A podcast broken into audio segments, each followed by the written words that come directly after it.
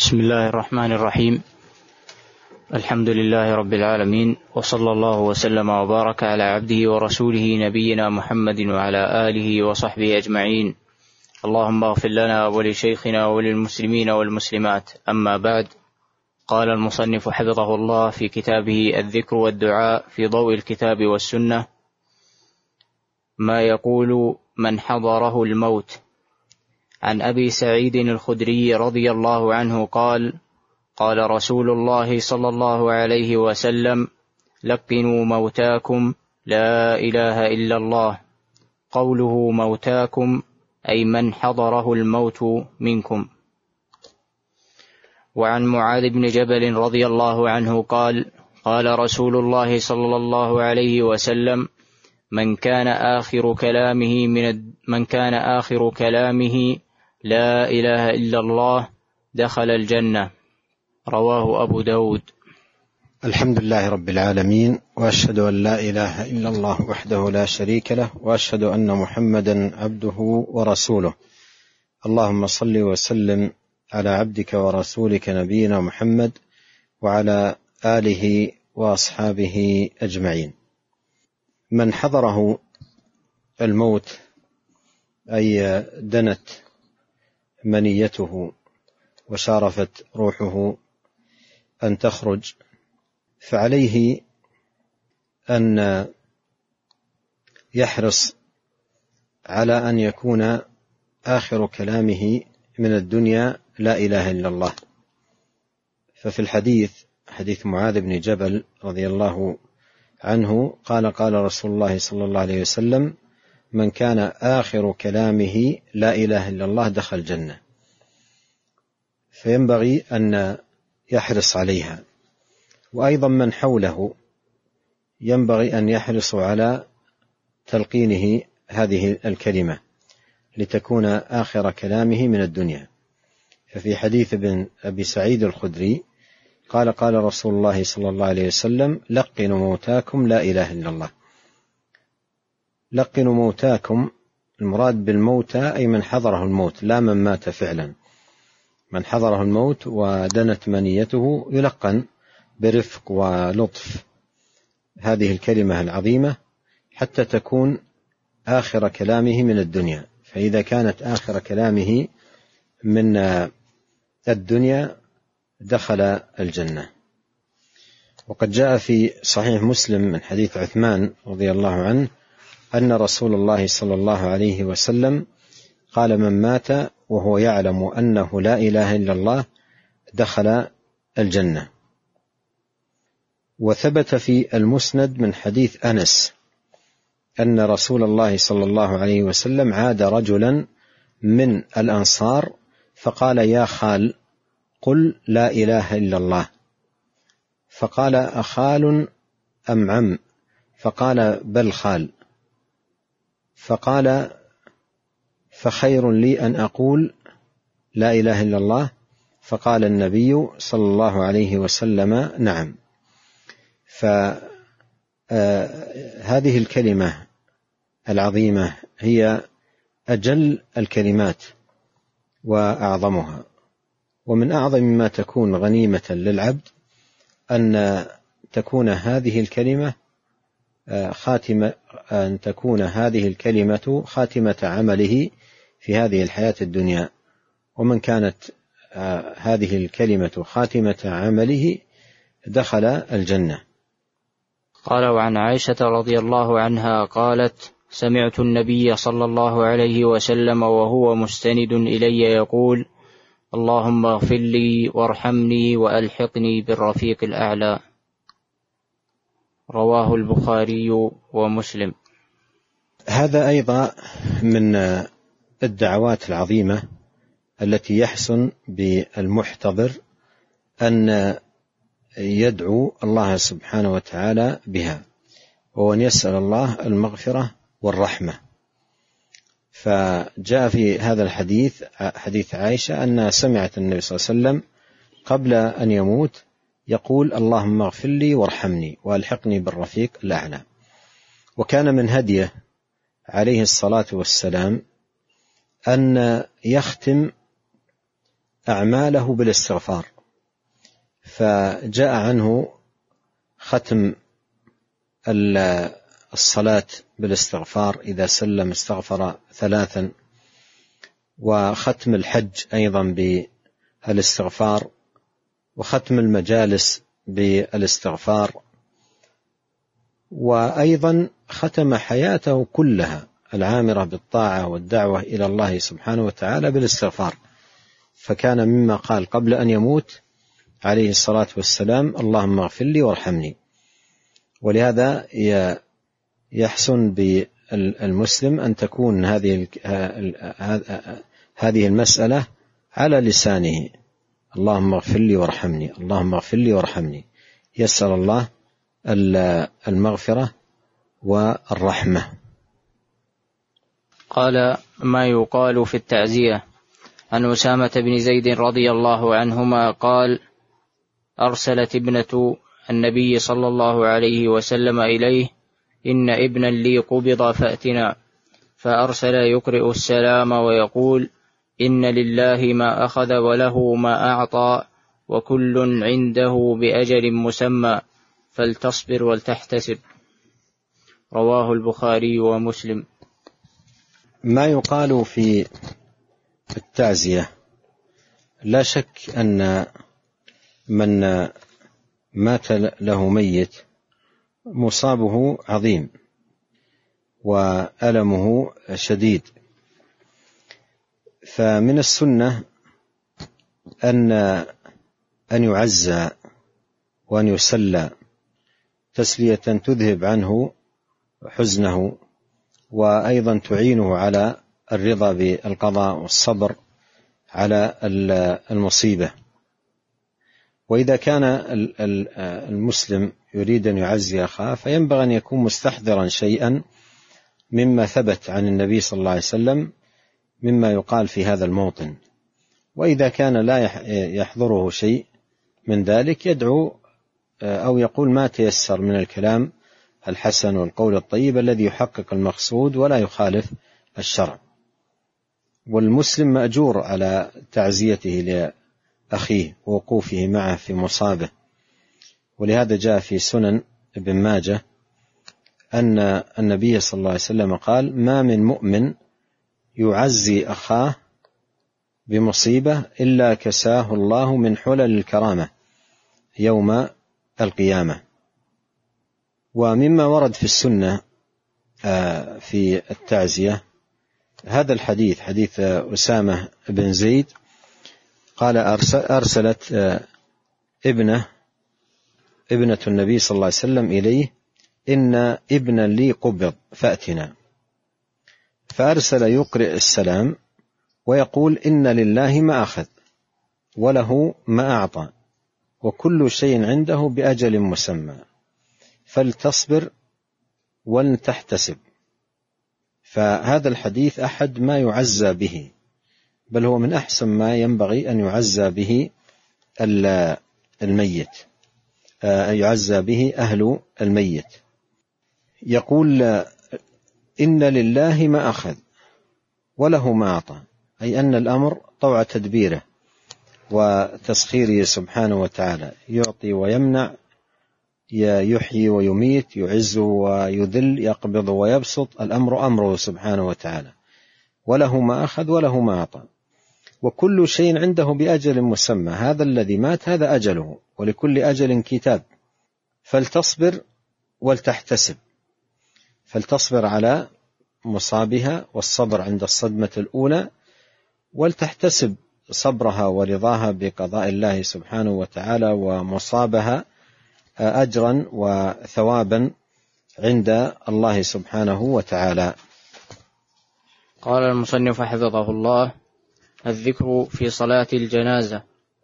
عن عوف بن مالك رضي الله عنه قال صلى رسول الله صلى الله عليه وسلم على جنازة فحفظت من دعائه وهو يقول اللهم اغفر له وارحمه وعافه واعف عنه وأكرم نزله ووسع مدخله واغسله بالماء والثلج والبرد ونقه من الخطايا كما نقيت الثوب الأبيض من الدنس وأبدله دارا خيرا من داره وأهلا خيرا من أهله وزوجا خيرا من زوجه وأدخله الجنة وأعذه من عذاب القبر أو من عذاب النار. قال حتى تمنيت أن أكون أنا ذلك الميت. رواه مسلم. هذا الحديث حديث عوف بن مالك رضي الله عنه. فيه هذا الدعاء العظيم الذي اشتمل على دعوات عظيمة للميت. وهو من الدلائل على التراحم والتعاطف بين أهل الإيمان. والسنة أن يؤتى بهذا الدعاء بعد التكبيرة الثالثة لأن التكبيرة الأولى يقرأ بعدها بفاتحة الكتاب والثاني يصلى فيها على النبي عليه الصلاة والسلام والثالثة يؤتى فيها بهذا الدعاء أو غيره من الدعاء المأثور. وجمع هذا الدعاء معاني عظيمة جدا في الدعاء الميت والترحم عليه وسؤال الله عز وجل آه، أن يكرمه وأن يوسع مدخله وأن يغسله بالماء والثلج والبرد. وقوله اللهم اغفر له وارحمه المغفرة التجاوز عن الذنوب.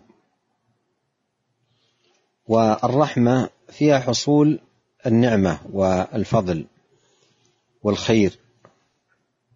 فجمع بين زوال ال ال زوال الذنوب بالستر والتجاوز وحصول الخير بالتوفيق له والتيسير والإعانة.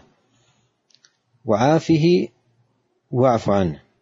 عافه من العذاب واعف عنه ما وقع فيه من ذنب. وأكرم نزله النزل الضيافة. وأوسع مدخله أي افسح له في قبره ووسع منازله في الجنة. واغسله بالماء والثلج والبرد. وهذه الثلاثة الماء والثلج والبرد تقابل حرارة الذنوب وتطفئ لهيبها.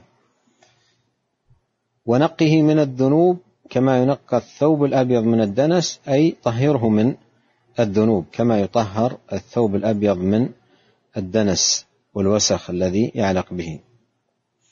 وابدله دارا خيرا من داره أي أدخله الجنة بدلا عن الدار الدنيا التي ارتحل عنها. وأهلا خيرا من أهله وزوجا خيرا من زوجه أي وأبدله خيرا منهم. ثم سأل الله له دخول الجنة والنجاة من النار والسلامة من فتنة القبر. قال وعن أبي هريرة رضي الله عنه قال صلى رسول الله صلى الله عليه وسلم على جنازة فقال اللهم اغفر لحينا وميتنا وصغيرنا وكبيرنا وذكرنا وأنثانا وشاهدنا وغائبنا اللهم من أحييته منا فأحيه على الإسلام ومن توفيته منا فتوفه على الإيمان. اللهم لا تحرمنا أجره ولا تفتن ولا تضلنا بعده. رواه أبو داود وابن ماجه. وهذا الحديث حديث أبي هريرة فيه دعاء عظيم آه، يدعى به للميت. ويشمل الميت المدعو له وأيضا يشمل غيره من المسلمين. الأحياء والأموات الصغار والكبار والذكور والإناث الشاهد والغائب كلهم شملهم بهذا الدعاء. اللهم اغفر لحينا وميتنا وصغيرنا وكبيرنا وذكرنا وأنثانا وشاهدنا وغائبنا. فاستوعب الجميع. وهذا فيه الفضل الاستغفار للمسلمين والمسلمات والمؤمنين والمؤمنات الأحياء منهم والأموات. وقوله اللهم من أحييته منا فأحيه على الإسلام ومن توفيته فتوفى على الإيمان. ذكر الإسلام في الحياة والإيمان عند الممات. وذلك أن الإسلام والإيمان إذا قرنا وأورد في نص واحد يراد بالإسلام الشرائع العملية ويراد بالإيمان العقائد. ولهذا ناسب في الحياة أن يذكر الإسلام لأن الإنسان ما دام حيا عنده فرصة للعمل. لكن عند الموت ليس هناك فرصة للعمل إلا الموت على العقيدة الصحيحة. ولهذا قال من توفيت منا فتوفى على الإيمان يعني على العقيدة الصحيحة. لكن ما عنده فرصة في تلك اللحظات ليعمل. ولهذا ذكر الإيمان عند الموت. وقوله اللهم لا تحرمنا أجره أي الأجر الذي يحصل من التجهيز والصلاة عليه والتشييع والدفن هذه أعمال جليلة وفيها ثواب عظيم. وقوله ولا تضلنا بعد أي أعذنا من الضلال وجنبنا الفتنة بعد فقدنا له. قال ما يدعى به للميت إذا فرغ من دفنه. عن عثمان بن عفان رضي الله عنه قال كان النبي صلى الله عليه وسلم إذا فرغ من دفن الميت وقف عليه فقال استغفروا لأخيكم وسلوا له التثبيت فإنه الآن يسأل. رواه أبو داود. هذا الحديث آه، فيه بيان أن من السنة بعد الفراغ من الدفن أن يدعى للميت بالمغفرة والثبات عند السؤال. قال عثمان رضي الله عنه كان النبي صلى الله عليه وسلم إذا فرغ من دفن الميت وقف عليه فقال استغفروا لأخيكم وسلوا له التثبيت فإنه الآن يسأل. فإنه الآن يسأل. فإذا دفن أتاه ملكان وأجلساه من ربك ما دينك من نبيك. فمن الرحمة به والإحسان إليه أن يدعى له بالثبات أي عند سؤال الملكين ويدعى له بالمغفرة. قال ذكر دخول المقابر. عن عائشة رضي الله عنها أن رسول الله صلى الله عليه وسلم قال إن جبريل أتاني فقال إن ربك يأمرك أن تأتي أهل البقيع فتستغفر لهم. قال قالت قلت كيف أقول لهم يا رسول الله؟ قال قولي السلام على أهل الديار من المؤمنين والمسلمين ويرحم الله المستقدمين منا والمستأخرين وإنا إن شاء الله بكم للاحقون. رواه مسلم. وعن بريدة رضي الله عنه قال كان رسول الله صلى الله عليه وسلم يعلمهم إذا خرجوا إلى المقابر فكان قائلهم يقول السلام عليكم أهل الديار من المؤمنين والمسلمين وإنا إن شاء الله للاحقون. أسأل الله لنا ولكم العافية. رواه مسلم. آه هذان الحديثان آه فيهما ما يشرع أن يقال آه عند زيارة القبور. ما يشرع أن يقال عند زيارة القبور حديث عائشة وحديث بريدة وأن المشروع عند الزيارة أن يقال السلام عليكم أهل الديار من المؤمنين والمسلمين وإنا إن شاء الله للاحقون أسأل الله لنا ولكم العافية. أو كما في حديث عائشة السلام على أهل الديار من المؤمنين والمسلمين ويرحم الله المستقدمين منا والمستأخرين وإنا إن شاء الله بكم للاحقون. فهذا فيه الدعاء للميت وتذكر أن الحي سيؤول إلى ما آل إليه هذا الميت فيسأل الله سبحانه وتعالى له وللموتى العافية ويلقي السلام عليهم. السلام عليكم أهل الديار من المسلمين منا أهل الديار من المؤمنين المسلمين. ويدعو بالرحمة للجميع. يرحم الله المستقدمين منا والمستاخرين. والقبور تزار من أجل الترحم والسلام على الموتى كما في هذه الأحاديث. وتزار أيضا من أجل آه، آه، تذكر الآخرة. من أجل أن أن يتذكر الإنسان الآخرة. فهذا الذي شرعت القبور آه، زيارة القبور لأجلها. وكان في بدء الأمر منهي عن زيارة القبور. ثم رخص في ذلك. قال كنت نهيتكم عن زيارة القبور ألا فزوروها فإنها تذكركم الآخرة. ولهذا يجب على المسلم إذا زار القبور أن يعرف الهدف الذي شرع من أجله أن تزار القبور وهو أن أن يدعو للموتى وأن يتذكر الآخرة وأن هذا المصير الذي صاروا إليه هو سيصير يوم من الأيام إلى ما صاروا إليه. ونسأل الله الكريم أن يوفقنا أجمعين لكل خير وأن ينفعنا بما علمنا وأن يزيدنا علما وتوفيقا وأن يصلح لنا شأننا كله إنه سميع قريب مجيب وصلى الله وسلم على عبده ورسوله نبينا محمد وآله وصحبه.